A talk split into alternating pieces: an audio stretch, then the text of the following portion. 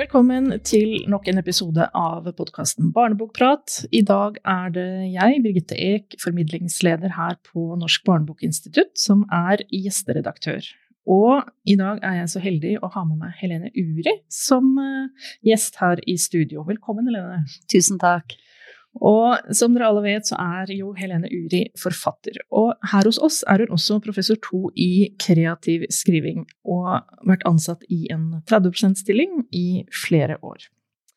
I dag skal vi snakke om hva som gjør oss rørt. Og bakgrunnen for det er at vi tidligere i høst hadde et seminar om det samme temaet.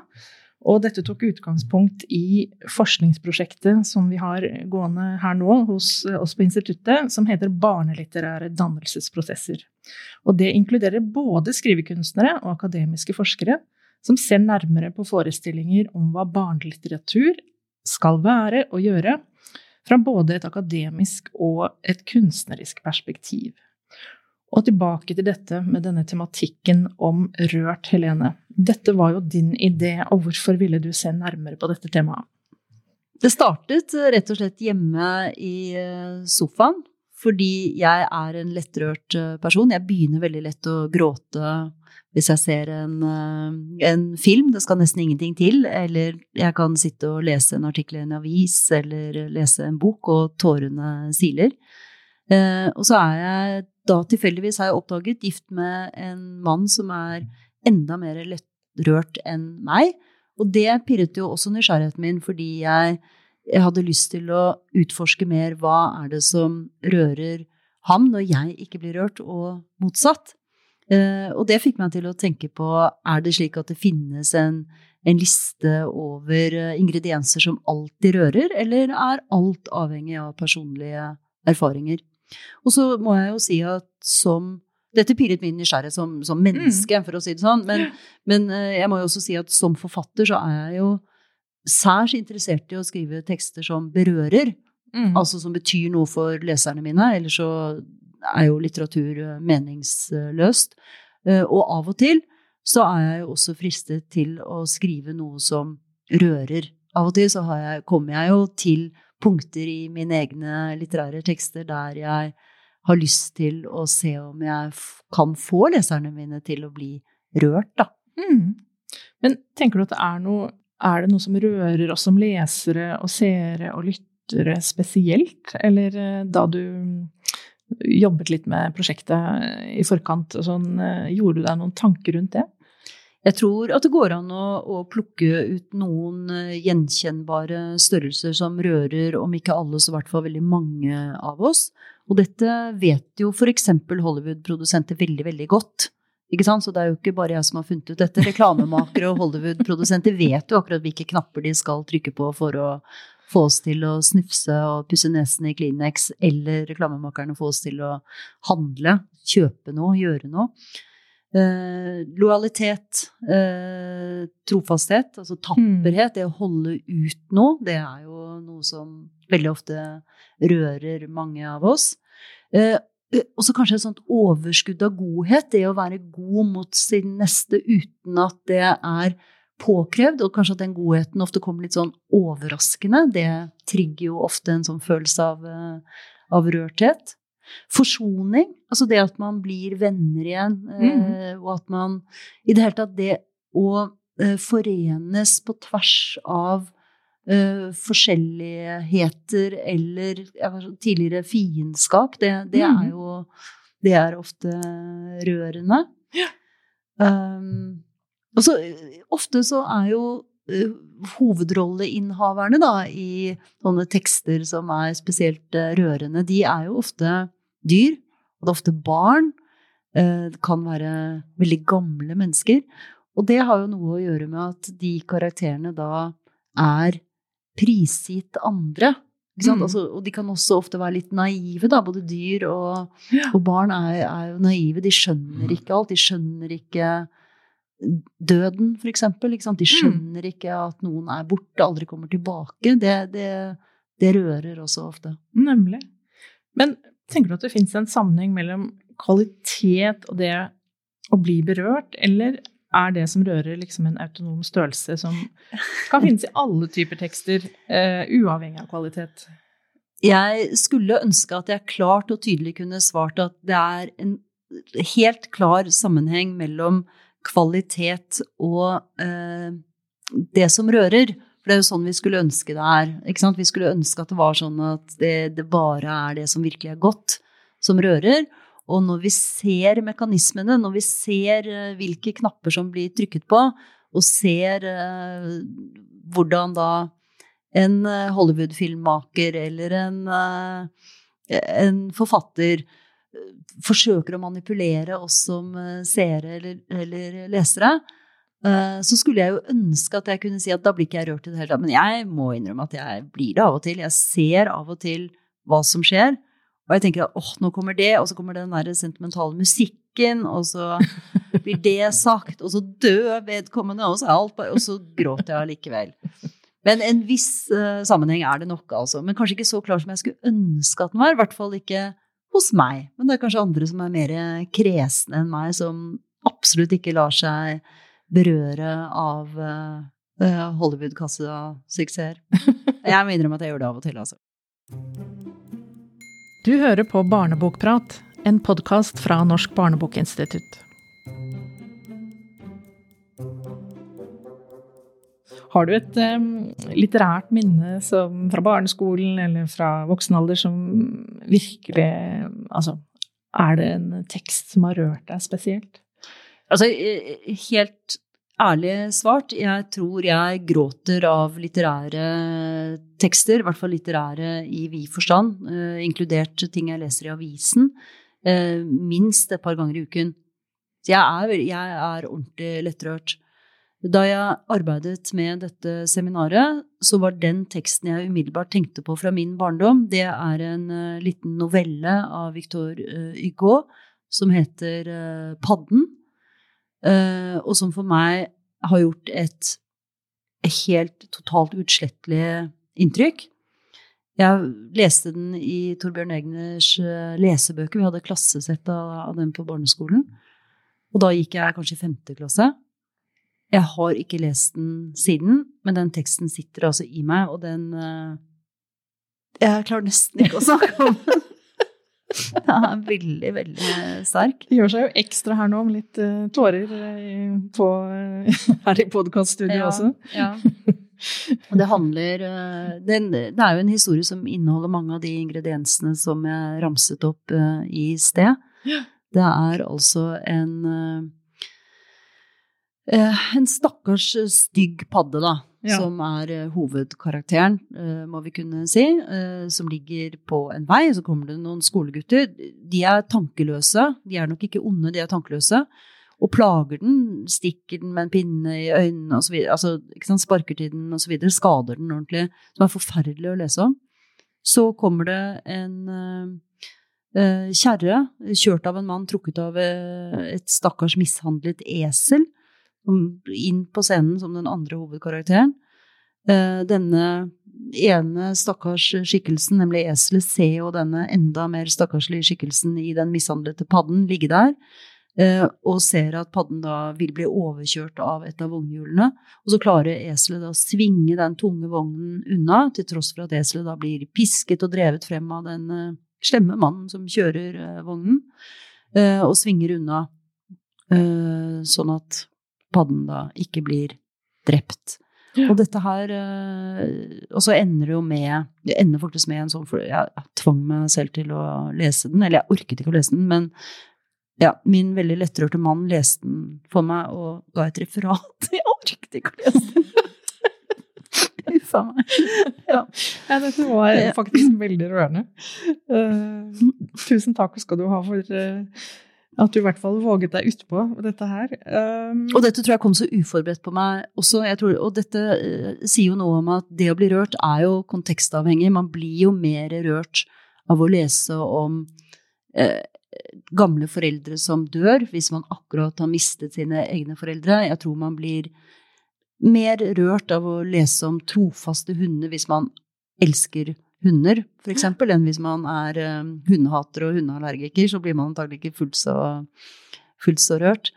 Uh, og jeg tror at noe av det som skjedde i klasserommet uh, på Ullevål skole da på slutten av 70-tallet, det, det, var nok det at det kom så uventet på meg. Mm.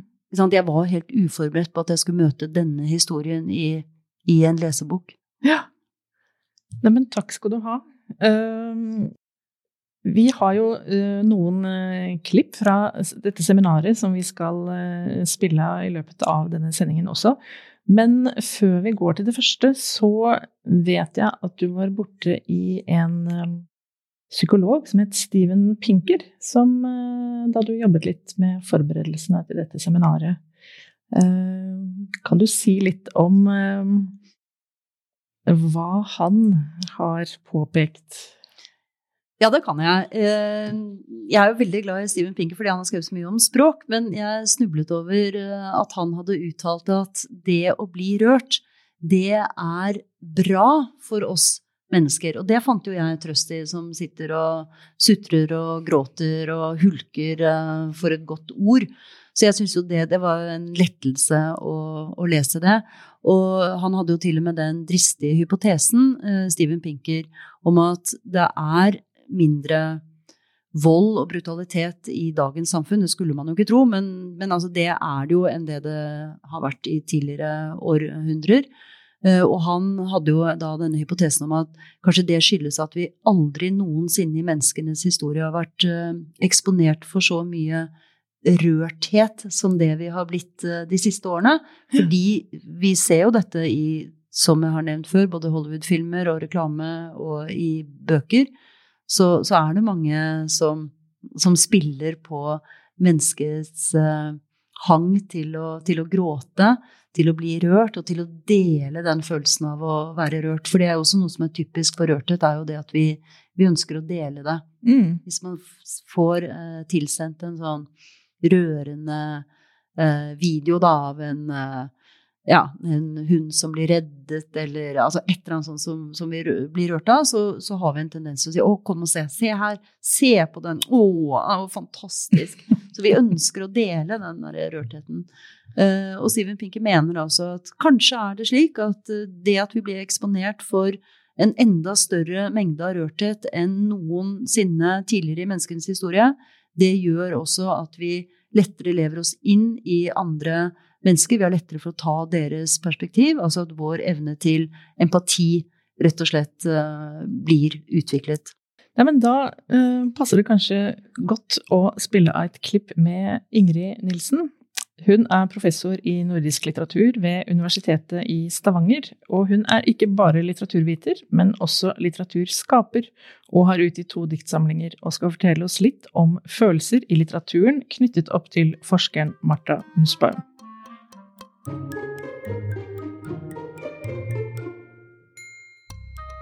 tradisjonen etter Aristoteles så har det vært formulert litt ulike svar på, eh, på, akkurat dette spørsmålet om hva som rører oss i litteraturen. Og jeg har lyst til å løfte fram et, et mulig perspektiv eh, på de spørsmålene, eh, nemlig Martha Nussbaum som på mange måter og eksplisitt står i tradisjonen etter Aristoteles, og som har skrevet synes jeg, innsiktsfullt om hvordan skjønnlitteraturen gir oss innsikt i mennesket på andre måter enn faglitteratur kan. Litteratur viser oss eh, hva som får mennesker til å føle, snakke, handle og samhandle sånn som de gjør, på langt mer komplekse og paradoksale og ikke minst gripende måter enn det vi kan lese oss til i faglitteraturen. Og selve grunnlaget for at eh, litteraturen virker på den måten, er det Nussbaum kaller narrativ forestillingsevne.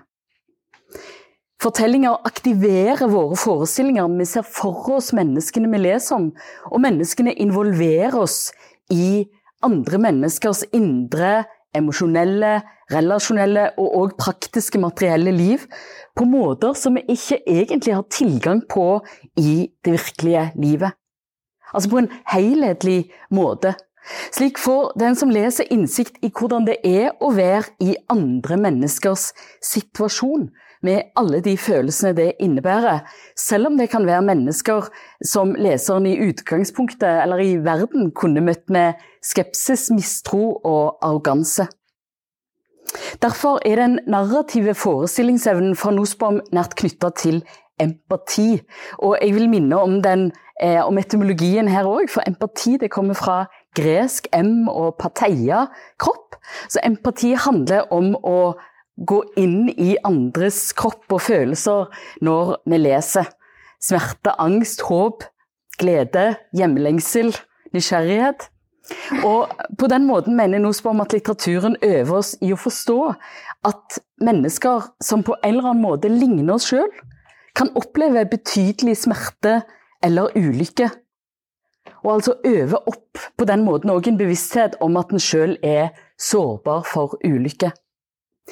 Det er viktig å si at for Nussbaum er følelser ikke noen motsetning til fornuft. Følelser knytter oss til andre mennesker. Følelser lar oss forstå andre mennesker og andre menneskers motivasjoner og intensjoner i verden, og dermed òg oss sjøl grunnlaget for våre handlinger, måter å tenke verdier på, moral på, etikk på. Og Det er derfor òg Nussbaum legger så stor vekt på at følelser ikke først og fremst er naturlige. Selvsagt har følelser som frykt og glede et biologisk grunnlag, men følelser som grunnlag for forståelse av andre mennesker og oss sjøl. Tanker, og overbevisninger, er òg forma sosialt og kulturelt, og altså historisk. På historiske, spesifikke måter. Hun kritiserer altså ideen om at følelser er naturlige. De strømmer ikke fritt fram fra vårt personlige indre, men det er noe vi lærer av andre. Og hvordan læres følelser? Jo, særlig gjennom fortellinger, mener Nussbaum. I norsk sammenheng kan vi f.eks. si at grunnfortellingen til Camilla Collett, Henrik Ibsen og Bjørnstjerne Bjørnson har, danna narrative følelser knytta til sterk individualisme, sannhetspatos, avdekking av hykleri. Og det er klart, i barnelitteraturen så har det nasjonale grunnartivet fått, eh, fått arvtakere eh, i, i, eh, hele Norden. Da, eh, I Astrid Lindgrens Pippi hun er en arvtaker, og Maria Pars Tonje Glimmerdal er en arvtaker etter Pippi igjen. Men hvorfor akkurat fortellinger og følelser? Hva er det som gjør følelsene narrative? Og hvorfor er det akkurat fortellingene som har en slags eh, sånn en mulighet til å forme følelser? Jo, fortellingene viser oss jo livsforløp. Hvordan livshendelser skaper følelser, og hvordan følelser ligger til grunn for handlinger som er viktig for Nussbaum. Og ofte skjer jo dette i litteraturen på komplekse måter. En person i en fortelling har jo ofte ikke oversikt over dette samspillet, og misforstår andre og seg sjøl. Og har kanskje òg ulike sider i sin personlighet som skaper dilemmaer eller indre konflikter eller spenninger.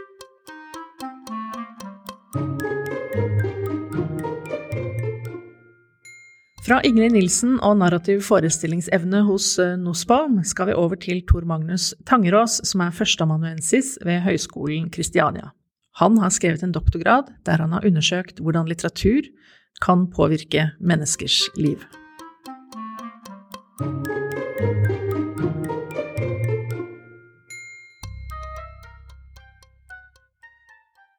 Jeg skal snakke altså, om hvordan lesing av skjønnlitteratur kan forandre leserens liv. En dag så kom jeg helt tilfeldig over en blogg av eh, science fiction-forfatteren Nicola Griffith.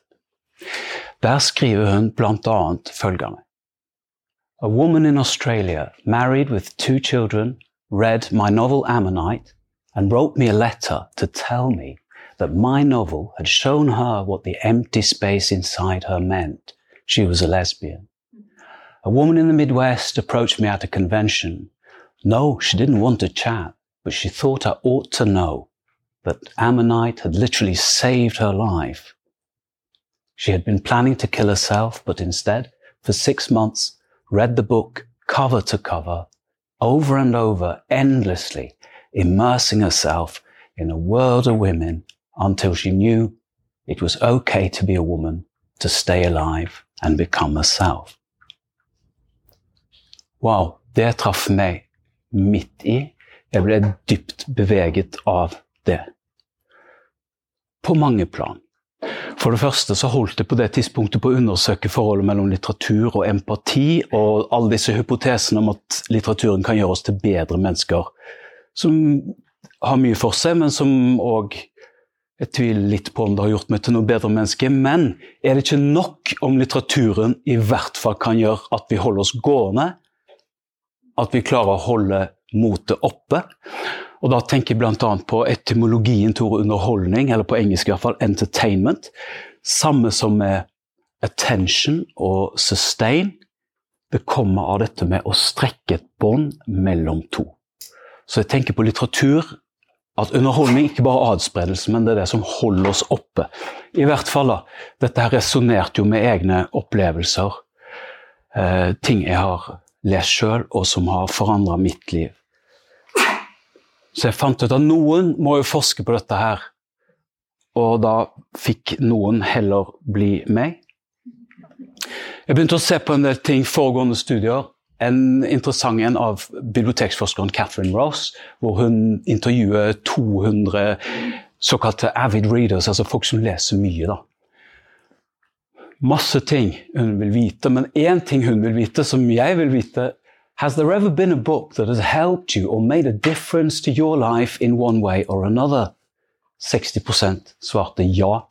En spesiell leseopplevelse hadde hjulpet dem, eller endra livet i vesentlig grad. Flertallet av de 60 oppga at det var et skjønnlitterært verk. Ergo er ikke dette her et marginalt fenomen. Dette gjelder for mange. Det andre som har forska på lignende ting i mer sånn eksperimentstudier, empirisk forskning på litteratur, der er det noen i Canada som er veldig fremragende og fremtredende på feltet. Psykologen Don Kaiken og hans team. De så på noe som de kalte for expressive enactment, en lesemåte som forandrer sjølforståinga. It modifies feeling and reshapes the self. Av de de så på, så var det en fjerdedel som hadde denne lesemåten. Og der var det to vilkår de identifiserte. Det ene er at disse menneskene har en åpenhet. Dette trekket åpenhet, som vi kjenner fra psykologien. Og i tillegg at de var i en sårbar situasjon eller en livskrise eller sto foran et veivalg der noe enten hadde kjørt seg fast eller var i ferd med å endres. Og så da, å bli rørt og bli beveget, alle disse ordene. Det jeg syns er interessant med de ordene der. Bli berørt, beveget, vi blir grepet, fengslet, vi kan bli støtt, som noen nevnte. Vi kan bli slått i bakken, vi kan bli rysta. Alle disse ordene har jo med kroppen å gjøre. ikke sant? Alle disse ordene som vi har snakket om i dag, veldig sånn kinestetiske, haptiske Kroppen, det er, det er de ordene vi har for å snakke om estetiske opplevelser. Grekerne hadde et eget begrep for den typen følelser som de kalte for propateia. Altså den første bevegelsen, det første som treffer oss før vi skjønner hva i det hele tatt som har foregått. Men så er det forskning på dette her da, i, i Tyskland. Menninghaus et al. De sier at disse her er spesielle fenomener. The phenomenon is elicited. Fenomenet framkalles av personally significant events, artworks, og det å være vitne til andre menneskers lidelse, det å være vitne til andre menneskers følelse. Det var noen som sa det, altså, Jeg blir ikke berørt av det, men jeg blir berørt av å se at noen andre blir berørt av det. Particularly meaningful. Og så er det en interessant studie av Wessel, en nevropsykologisk studie av estetiske opplevelser. Hvor forsøkspersonene ble eksponert for en rekke veldig forskjellige kunstverk. Selvfølgelig var det ulike kunstverk som berørte ulike personer. Men de fant at i de tilfellene der folk ble virkelig dypt berørt, der var det fellesnevner. Og det var noe som de fant igjen i hjernen. Det var et bare de kunstopplevelsene der man ble dypt beveget, ble et senter som heter AMPFC, som jeg ikke husker hva står for, i frontallappene aktivert. Det igjen er knyttet opp til uh, Default Mode Network, som har med måten vi skaper representasjoner om oss sjøl på, jf. Dan P. McAdams og uh, det narrative selve. Det, vi ble dypt beveget, ergo skaper det seg en åpning i oss for nye måter å mentalisere eller forstå oss sjøl, og for å kunne lage nye fortellinger om oss sjøl. Og så eh, en, en, studie til. Bare nevne kort, da. Mye tekst her, men poenget her er at det de forskerne har funnet ut, er at for den emosjonelle delen av hjernen vår, subcortex, så er det veldig liten forskjell på om det vi opplever er noe som har skjedd i den ytre verden, eller om det er en imaginasjon. Det har nesten den samme kraften. Så det jeg ønska da, var å komme i kontakt med og intervjua folk som hadde opplevd at en bok, et skjønnlitterært verk, hadde forandra livet deres. Så jeg bare sendte den beskjeden ut i verden, på reken på en fjøl. Har en bok forandra livet ditt? Så kontakta folk meg.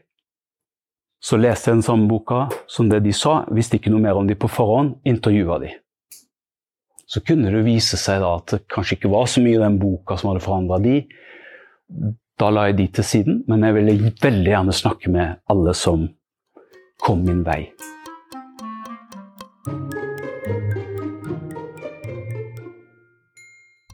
Her hørte vi Tor Magnus Tangerås snakke om hvordan en skjønnlitterær bok faktisk kan forandre et menneskes liv. En av personene som han intervjuet under arbeidet med avhandlingen sin, heter Nina.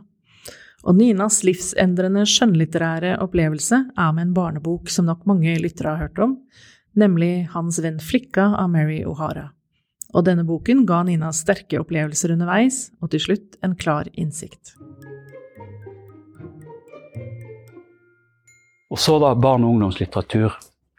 En helt spesiell lesehistorie. Eh, jeg ble virkelig rørt i den samtalen, og det handler om mange ting. Men i hvert fall så sier da Nina jeg har kjempet en indre kamp hele veien. Jeg har alltid hatt et rikt indre liv, jeg har trodd at jeg har måttet holde skjult for omverdenen, at det ville bli tatt fra meg dersom jeg viste det til noen. Når jeg møter verden, må jeg legge det bort og være en annen enn meg selv. Dette har vært et avgjørende tema for meg de siste 10-15 årene. Jeg har basert meg på antagelsen om at for å kunne være i verden, må jeg følge spillereglene. Noe som gjorde at alle mine drømmer, alt det jeg forestilte meg, ikke var gyldig. Så boka ga meg en enorm støtte for min måte å se verden på, at det var en gyldig anskuelse. Samtidig har den også fått meg til å skjønne at det var mulig å komme ut med det jeg hadde på innsida. Nina fikk denne boka her, den var som bokklubbok på 70-tallet. Min venn Flikka. Hun var syv første gang hun leste den. Det handler om en gutt som har en veldig streng far, og som ikke helt kan være seg sjøl. Eh, men han drømmer om å få en hest. Det er hans store drøm. Det som skjer med Nina, er at hun leser den boka der om, om igjen og om igjen. Men så, i ungdommen, så blir hun med i en menighet, en kristen sekt, hvor de får beskjed om at de må ofre det kjæreste de har. Eh, det er jo ganske spesielt. Hun, må, hun finner da ut at det er den boka så hun kaster den på ovnen, brenner den opp. Men så, en dag flere år senere, så kom en venninne. Hun har funnet den samme utgaven som hun da får. Så fort, da fortsetter hun å lese den boka der.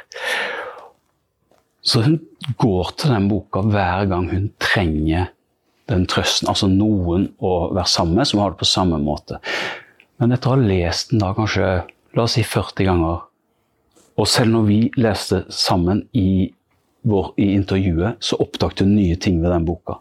Men på et eller annet stadium så plutselig så får hun en perspektivendring. For hun går fra å identifisere seg med Ken, hovedpersonen som drømmer om å få en hest, til å se det hele fra Kens mors perspektiv. Og morens eh, helt spesielle empati med han.